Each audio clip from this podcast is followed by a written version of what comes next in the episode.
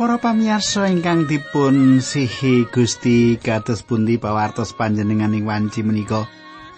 Menapa panjenengan dipun berkahi Gusti? Menapa panjenengan wonten ing kahanan ingkang bingah? Kasinggihan kateng kula panji kula sak rincang saking batu tansah ndongaaken panjenengan supados panjenengan tansah binerkahono dening Gusti ingkang murping jagat. Kados padatan kula pendeta Pujianto badhe sesarengan kalian panjenengan wonten ing salebetipun adicara margi utami inggih menika adicara ingkang sampun dados kelangenan panjenengan. Awit saking menika monggo nyaket kula ing mriki sugeng midhangetaken adicara menika.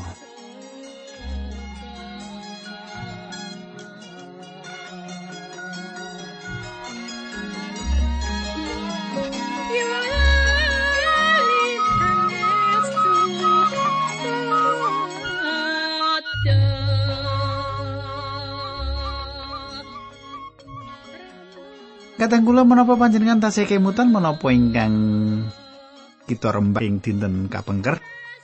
Ing pepanggian kita kepengker kita sampun nyemak kados bundi pepisahan ingkang trenyohaken antawisipun Paulus kalian pasamuan ing Efesus.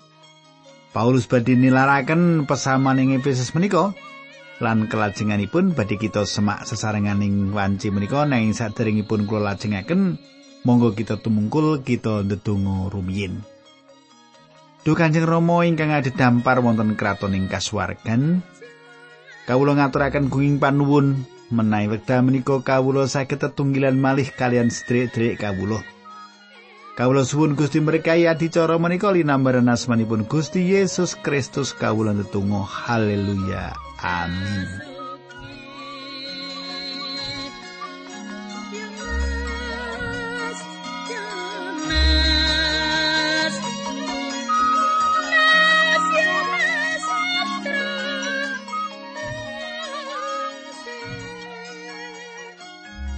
Para pamirsa, samenika pasinon kita sampun ngancik Kitab Para Rasul bab selikur. Paulus anggeni nindakaken lampah ngelaraken Injil sampun ingkang kaping tiganipun. Lelampahanipun ngelaraken Injil sampun ingkang kaping tiganipun. Nah, samenika bab selikur menika kula badhe maos ayat setunggal ngantos kalih. Mangkatan surasipun. Sawisi aku padha pamitan karo para pinituwane pesamuan ing kutha Efesus praune nuli mangkat nyebrang menyang pulau Kos. Esuke aku padha tekan pulau Rudos saka kono aku padha terus layaran menyang kutha Patara. Ing kutha Patara kono ana kapal sing arep mangkat menyang tanah Fenisia, aku padha nunggang kapal mau nuli mangkat. Para pamirsa, samenika Paulus sawek lumampah tumuju Tirus ingkang mapanipun wonten ing pesisir sisih ler Kaisaria. Paulus lumampah tumuju Tirus ingkang papanipun wonten ing pesisir sisih ler Kaisaria. Kita menika sajatosipun mapan wonten ing pesisir Israel ing jaman rumiyin kalebet ing salebetipun daerah Finisia. Jaman samenika kita menika kalebet laladanipun Libanon. Nah, samenika ayat 3. Aku padha tekan panggonan sing saka kono bisa weruh pulau Siprus. Aku banjur padha ngidul nganti tekan tanah Syria. Ing kutha Tirus aku padha mudhun sebab ana ing kutha kono praune kudu bongkar momotani. Para pamirsa, panjenengan gatosaken. Paulus lan rombonganipun manggihaken pulau Siprus nanging nglangkungi kemawon. Inggih menika ing wekdal rombongan menika lelayaran dumateng Tirus. Siprus ketinggal saking ketebian ing wekdal menika nglangkungi tentu kemawon menapa ingkang dipun pratelakaken bab manggihaken Siprus menika mboten kok rombongan Paulus menika ingkang manggihaken kawitan pulau Siprus menika. Rombongan menika sawek lelampahan tumuju Tirus. Satunggal papan pusat perdagangan ingkang ageng ingkang sampun wonten ing mriku wiwit jaman rumiyin. Jaman menika kula lajengaken ayat sekawan. Ing kutha Tirus kono aku padha kepethuk karo sedulur Kristen sawetara nuli nginep ana ing omahe para sedulur mau lawase nganti seminggu. Mergo oleh wangsite pangeran para sedulur mau padha menehi weruh marang Rasul Paulus supaya aja lunga menyang kutha Yerusalem. Kadang kula inggih hayat menika ingkang dipun ginakaken guru-guru kitab suci ingkang gadah pemanggih bilih Paulus sampun damel kalepatan ageng ing wekdal netepaken kisah dhateng Yerusalem. Ayat menika meratelaken bilih tiang-tiang menika nyanjangi Paulus lumantar panguasipun Sang Roh Suci. Kula pitados Gusti Allah paring pangandikan ingkang sami ing mriki kados ingkang dipun ngendikaken wonten ing saderengipun. Paulus mboten badhe kisah dhateng Yerusalem. Kajawi menawi piyambakipun siap nindakaken pangorbanan ingkang dipun betahaken. Paulus tansah sanjang bilih piyambakipun rilo nindakaken kurban. Piyambakipun rilo sawetahipun masrahaken gesangipun kangge Yesus. Kula mboten pitados bilih Paulus jumangkah sakjawinipun pimpinan Allah ing wekdal piyambakipun kisah dhateng Yerusalem. Paulus betopi sungsung saking tiang-tiang sanes Yahudi kangge tiang-tiang suci ingkang nandang kasangsaran ing Yerusalem. Paulus rumaos gadah tanggung jawab kegayutan kalian panandang ingkang dipun lampai tiang-tiang suci ing Yerusalem. Paulus mboten purun ngintunaken wakilipun nanging piyambakipun bidal piyambak. Para pamirsa. Salah satunggal kenging menapa kula mboten pitados pilih anggenipun Paulus kisah dateng Yerusalem menika wonten ing sanjawinipun kersanipun Gusti awet Paulus sing seratanipun makaten bilih anggenipun kisah dhateng Yerusalem menika selaras kersanipun Allah. Ing wekdal Paulus dipun kunjara wonten ing Roma, pasaman Filipi ngintunaken menapa-menapa minangka raos nderek ngraosaken menapa ingkang dipun sandang Paulus. Nanging Paulus nyerat dumateng pesaman ing Filipi, para sedulur padha ngertiyo. yen perkara-perkara sing wis ndak alami kuwi malah njalani Injil saya sumebar. Filipi setunggal ayat rolas. Panjenan kemutan yang wekdal Gusti ngetingal sariranipun dumateng Ananias lan Gusti paring dawuh supados ndatengi Paulus ing pamratobatipun.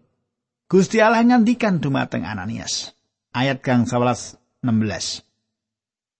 Nanging Gusti Yesus ngendika marang Ananias mangkato awet aku wis milih Saulus kuwi dadi pirantiku kanggo martakake jenengku marang bangsa-bangsa kafir lan para raja lan bangsa Israel.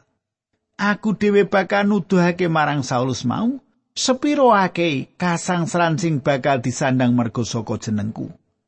Panjenengan saged nyemak para rasul 19 ayat 15 ngantos 16. Para pamirsa, ngantos samenika kita tasih wonten ing pasinaon gegayutan kitab para rasul menika. dereng ngantos Paulus dipunadepaken para raja lan panguwas nanging kita mangertos bilih menapa ingkang dipun tindakaken Paulus tasih wonten ing salebetipun karsane Gusti Allah. Inggih awet saking menika piyambakipun nindakaken perkawis menika ing pasal-pasal salajengipun panci kita badhe manggihaken Paulus wonten ing ngajengipun para raja piyambakipun badhe ngaturaken paseksi ing ngajengipun Raja Agripa. Pungkasanipun para pamirsa kados ingkang kula sampun sebataken ing kalih Timotius kawan ayat pitu, Paulus nyerat aku wis mlayu ngetok karosanku sakjroning balapan. Menika dipun serat ing pungkasan gesangipun. Kula raos Paulus mboten badhe sanjang ingkang kados makaten menawi piyambakipun nate nindakaken satunggalipun perkawis ingkang mboten selaras kalian kersanipun Gusti Allah. Kita lajengaken ayat gangsal. Nanging bareng wis tekan mangsane, aku banjur padha nerusake laku. Para sedulur mau kabeh sak anak bojone padha nguntapake aku tekan sak njabane kutha. Ana ing aku padha jengkeng ndedonga. Kadang kula Paulus lan tiang-tiang menika sujud sesarengan wonten ing pesisir lan ndedonga. Panjenengan saged ndedonga kanthi cara kados pundi kemawon lan ing pundi kemawon. Nanging ingkang paling sae menawi panjenengan sawaning ngarsanipun Gusti Allah inggih menika kanthi jengkeng.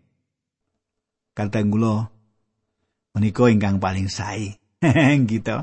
wonten tiyang ingkang ndedonga niku mloka mlaku srawian tangane ngadep ngarsane Gusti Allah kok iso mengkono iki kepiye gitu mbok cobi jenengan niku ngendikan karo Pak Bupati mloka mlaku tangane srawian ngoten niku kira-kira Pak Bupati keparang mboten menika nek menawi ngaten nika gitu Nah, kata kula sama kita lajengaken ayat 6 lan 7 para rasul selikur. Sawise padha andum slamet aku banjur padha munggah ing prau lan para sedulur mau padha mulih.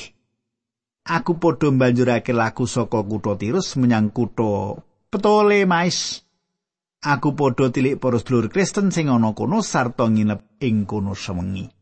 Para pamirsa. Kulo asring gadah pitakenan kenging menapa Paulus mboten langkung dangu malih wonten ing mriku.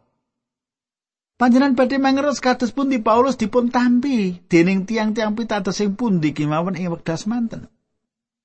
Ayat 8 bab selikur para rasul Esuke nuli mangkat meneh nganti tekan kutha Kaisaria ing kono aku padha nginep ana ing omahe guru Injil sing aran Filipus. Filipus kuwi panunggalane wong pitu sing biyen ditetepake dadi juru tulung ana ing kutha Yerusalem. Para pamirsa. Paulus anggenipun mlampah sauruting pesisir saking papan setunggal datang papan sanes. Paulus sampun tentu kemawon mlampah kemawon lan menika satunggalipun peladusan ingkang ngedapi-dapi lan awrat. Ayat songo, Filipus mau duwe anak perawan papat sing uga padha ngabarake Injil Gusti Allah. Kadang kula Filipus menika dados jejeripun penginjil utawi tiang ingkang ngelaraken Injil. menawi dipun jarwaaken secara harafiah inggih menika tiyang ingkang ngumumaken kabar sae ngaten nggih Ayat menika ugi meratelaken bilih tiang-tiang setri nglenggahi kalenggan ingkang penting wonten ing tengahipun pasamuan. Tiang-tiang setri ingkang istimewa menika gadah ganjaran kasukman meratelaken pamecok. Zaman menika ayat 10 ngantos 11 para rasul bab selikur. Sawise ana kono seminggu lawase, nuli ana nabi teka saka Yudia jenenge Agabus.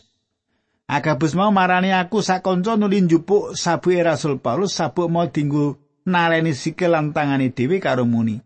Mengkene pangandikane Gusti Allah wong sing duwe iki bakal dibondo kaya mengkene iki ana ing kutha Yerusalem dening wong-wong Yahudi lan wong kuwi bakal dipasrahake marang bangsa liya.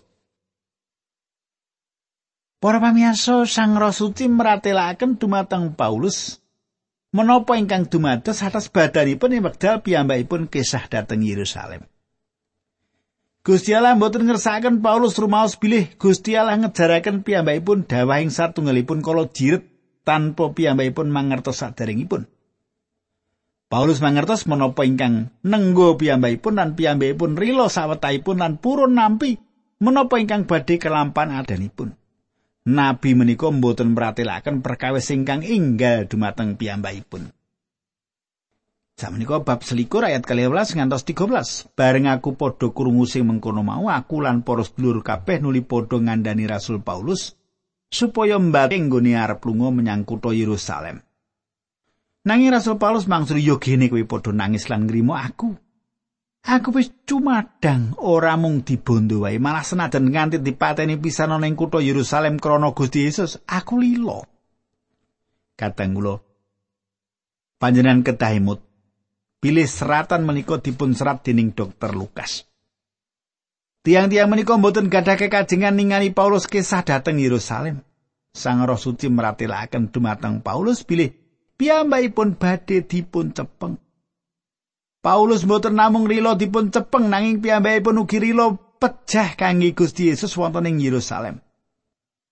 Piyambakipun nyuwun dumateng tiang-tiang pitados supados mboten nangisi lan nelongso ing manah.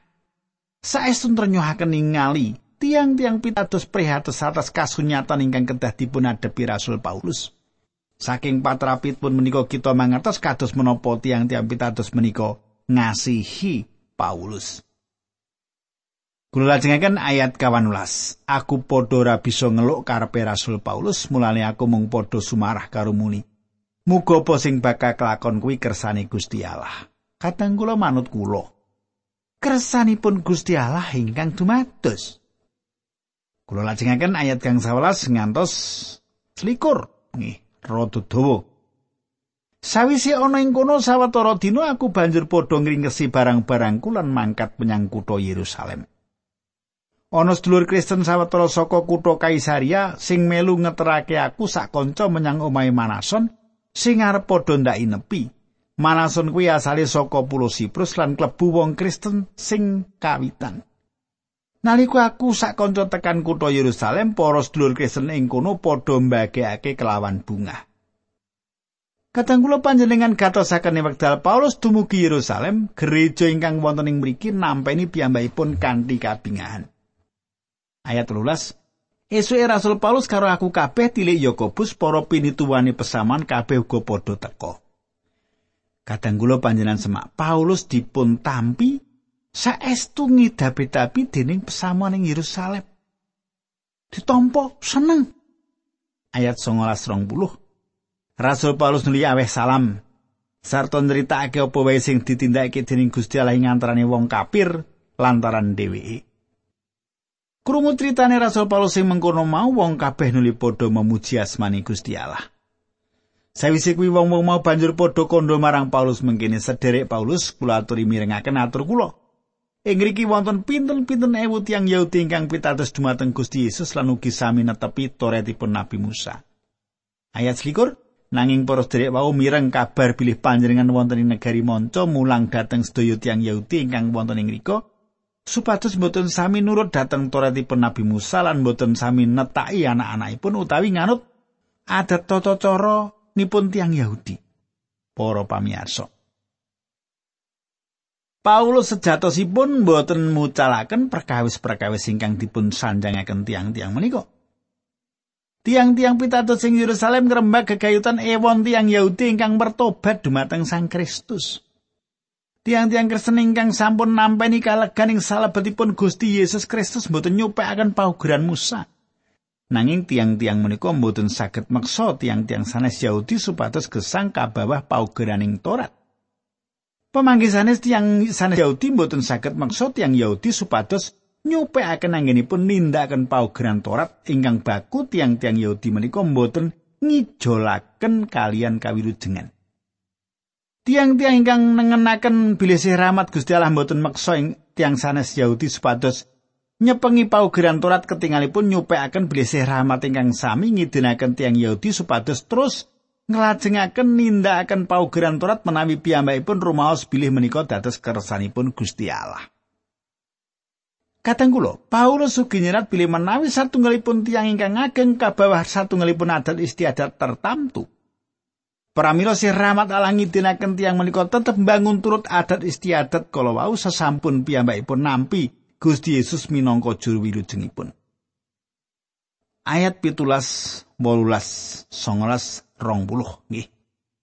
Saben wong nata uripe manut ganjaran sing diparingake dening Gusti Yesus kaya katentuani Gusti Allah nalika nimbali wong mau. Pernatan iki sing ndak ulangake ana ing saben pesamuan. Upamane mangkene, yen ana wong sing nalika katimbalan dening Gusti Allah wis tetakan, kuwi aja nyoba ngilangake tabete tetakan mau. Mengkono sing nalika ketimbalan dening Gusti Allah durung ditetaki, aja banjur ngudi supaya ditetaki. Sebab tetak utawa ora tetak kuwi dudu apa-apa sing perlu saben wong netepono angger-anggeri Gusti Allah. Saben wong tetepo kaya ing nalikane ketimbalan dening Gusti Allah. Siji Korintus pitu ayat pitulas nganti rong puluh. Kadang kula Paulus ngetrapaken wewatonan. Menika ing salebetipun nyowanaken tiang dang Sang Kristus. Ing salebetipun setunggal Korinta songo ayat 19 nganti 13 dipun serat Aku bebas. Aku dudu budake sapa-sapa. Nang awakku ndak dadekake budake saben wong supaya aku bisa oleh ati saka wong kabeh. Yen layanan karo wong Yahudi tumindakku kaya wong Yahudi supaya aku bisa oleh hati saka wong Yahudi, yen layanan karo wong sing padha nganut Toret Nabi Musa tumindakku kaya wong sing nganut Toret senajan uripku ora gumantung ing Toret supaya aku bisa ngendeng wong-wong mau. Lan tumraping wong-wong dudu Yahudi aku tumindak kaya wong dudu Yahudi, kaya-kaya aku ora ngerti karo adat tata carane wong Yahudi supaya aku bisa ngendeng wong dudu Yahudi. Kuwi ora mergo aku ora manut karo angger-anggere Gusti Allah sebab uripku nganut angger-anggere Gusti Yesus Kristus. Ing tengah-tengah wong sing imane ringkih tumindakku kaya wong sing imane ringkih uga supaya aku bisa ngendeng wong-wong mau. Srana mengkono aku wis dadi pepadane saben wong supaya sak bisa-bisa aku nyelametake sak perangan saka antarane wong-wong mau srana patrape apa wae. Kabeh mau dak tindakake mergo saka Injil supaya aku bisa melu ngrasakake kabejan-kabejan kaya surasane Injil mau. Kadang kula ingkang kula tresnani Syekh Rahmat ngidinaken Paulus nadar minangka jejeripun tiang Yahudi ingkang sampun nyowanaken tiang Yahudi. Menawi saupamia piyambakipun dados tiang sanes Yahudi, tiang saged ugi nangletaken piyambakipun awit ngangkat satunggalipun tata cara ingkang benten. Kadi kegambaran ingkang kados makaten kita saged mangertos menapa ingkang dipun tindakaken Paulus. Ayat kali likur ngantos ayat 6 likur. Para rasul selikur. Sederek-derek wau tentunipun inggih sami mirang pilih panjenengan rawuh samenika lajeng kados muti menapa ingkang perlu kita tindakaken. Kulo sami merayogaken panjenengan kersa nindakaken panyuwun kula sedaya makaten ing ngriki wonten sederek sekawan ingkang sami gadah nadar. Panjenengan kula aturi sesarengan kalian sederek-derek menika nindakaken tata cara suci lan bayar ragatipun supados para sederek wau saged sami nyukur rambutipun. Srana makaten saged cetha tumrap tiyang sedaya bilih menapa ingkang dipun pireng bab panjenengan menika mboten leres. Malah ketitio bilih panjenengan piyambak inggih netepi Toreting Nabi Musa. Tumrap tiang-tiang sanes Yahudi kita panjang sampun kitun serat ing tusan kita sedaya pilih poros direk wau dipun awisi nedo. Tetetan ingkang dipun anggi sajen dateng praholo, nedo rah utawi kewan ingkang pun srana dipun tekak. Maka ugi sami dipun awisi lampah jino. Esue Rasul Paulus nuli ngajak wong papat mau lan sawise nindakake sesuci bebarengan miturut tata carane wong Yahudi banjur padha mlebu ing pedalaman Allah. Ana ing kono padha ngumumake para lawase wektu pasucen apa dene kurban tumrap wong siji-siji kang bakal saosake. Kadang kula Samenika menapa ingkang kedah dipun tindakaken Paulus piyambakipun sampun dumugi ing Yerusalem lan dipun tampi kanthi ngidapi-dapi dening pesamuan. Piyambakipun sampun masrahaken pisungsung saking gereja-gereja sanes Yahudi. Tiang-tiang sampun mirengaken laporanipun lan bingah ing salebetipun cara Gusti Allah ugi sampun nyelametaken tiang sanes Yahudi. Samenika tiang-tiang menika nyawang dumateng Paulus lan sanjang dumateng Paulus bilih wonten ewon tiang Yahudi ing Yerusalem ingkang pitados dumateng Sang Kristus lan sampun nampi panjenenganipun minangka Sang Mesih lan juru wilujengipun. Kadang kula mboten wonten satunggal tiyang ing antawisipun tiang-tiang menika ingkang gadah kekajengan gereja menika pecah. Namung wonten setunggal gereja Yesus Kristus mboten gereja Yahudi lan gereja sanes Yahudi. Nah, gitu. Zaman semanten rono sing kepengin mecah gereja gitu. Zaman sakniki mawon sing seneng-seneng kalau-kalau ora cocok pecah gitu. Kadang kula Paulus mboten purun nadar awit dipun dawuhaken. Piyambakipun nindakaken nadar awit gadah kekajengan nyowanaken tiang-tiang menika. Menawi panjenengan ngersakaken nadar, panjenengan saged kemawon nindakaken nadar menika. Ing salebetipun Syekh Rahmat, panjenengan gadah hak kangge nadar. Kanthi makaten panjenengan badhe mangertos bilih panjenengan kawilujengaken mboten awit menapa ingkang panjenengan tindakaken nanging awit Syekh rahmatipun Gusti Allah. Kadang kula salajengipun badhe kita lajengaken ing dinten candhaipun saking kitab para rasul menika Awit saking menika dinten candhaipun panjenengan aja ngantek ora rawuh lho nggih. ora mirengaken. Monggo kita tumungkul kita ndedonga. Duh Kanjeng Rama ing swarga kawula ngaturaken gunging panuwun. Menawi wekdal menika kawula sampun midhangetaken sabda pangandikan paduka. Matur nuwun Gusti Yesus. Kawula aturaken linambaran asmanipun Gusti Yesus Kristus kawula ndedonga. Haleluya. Amin.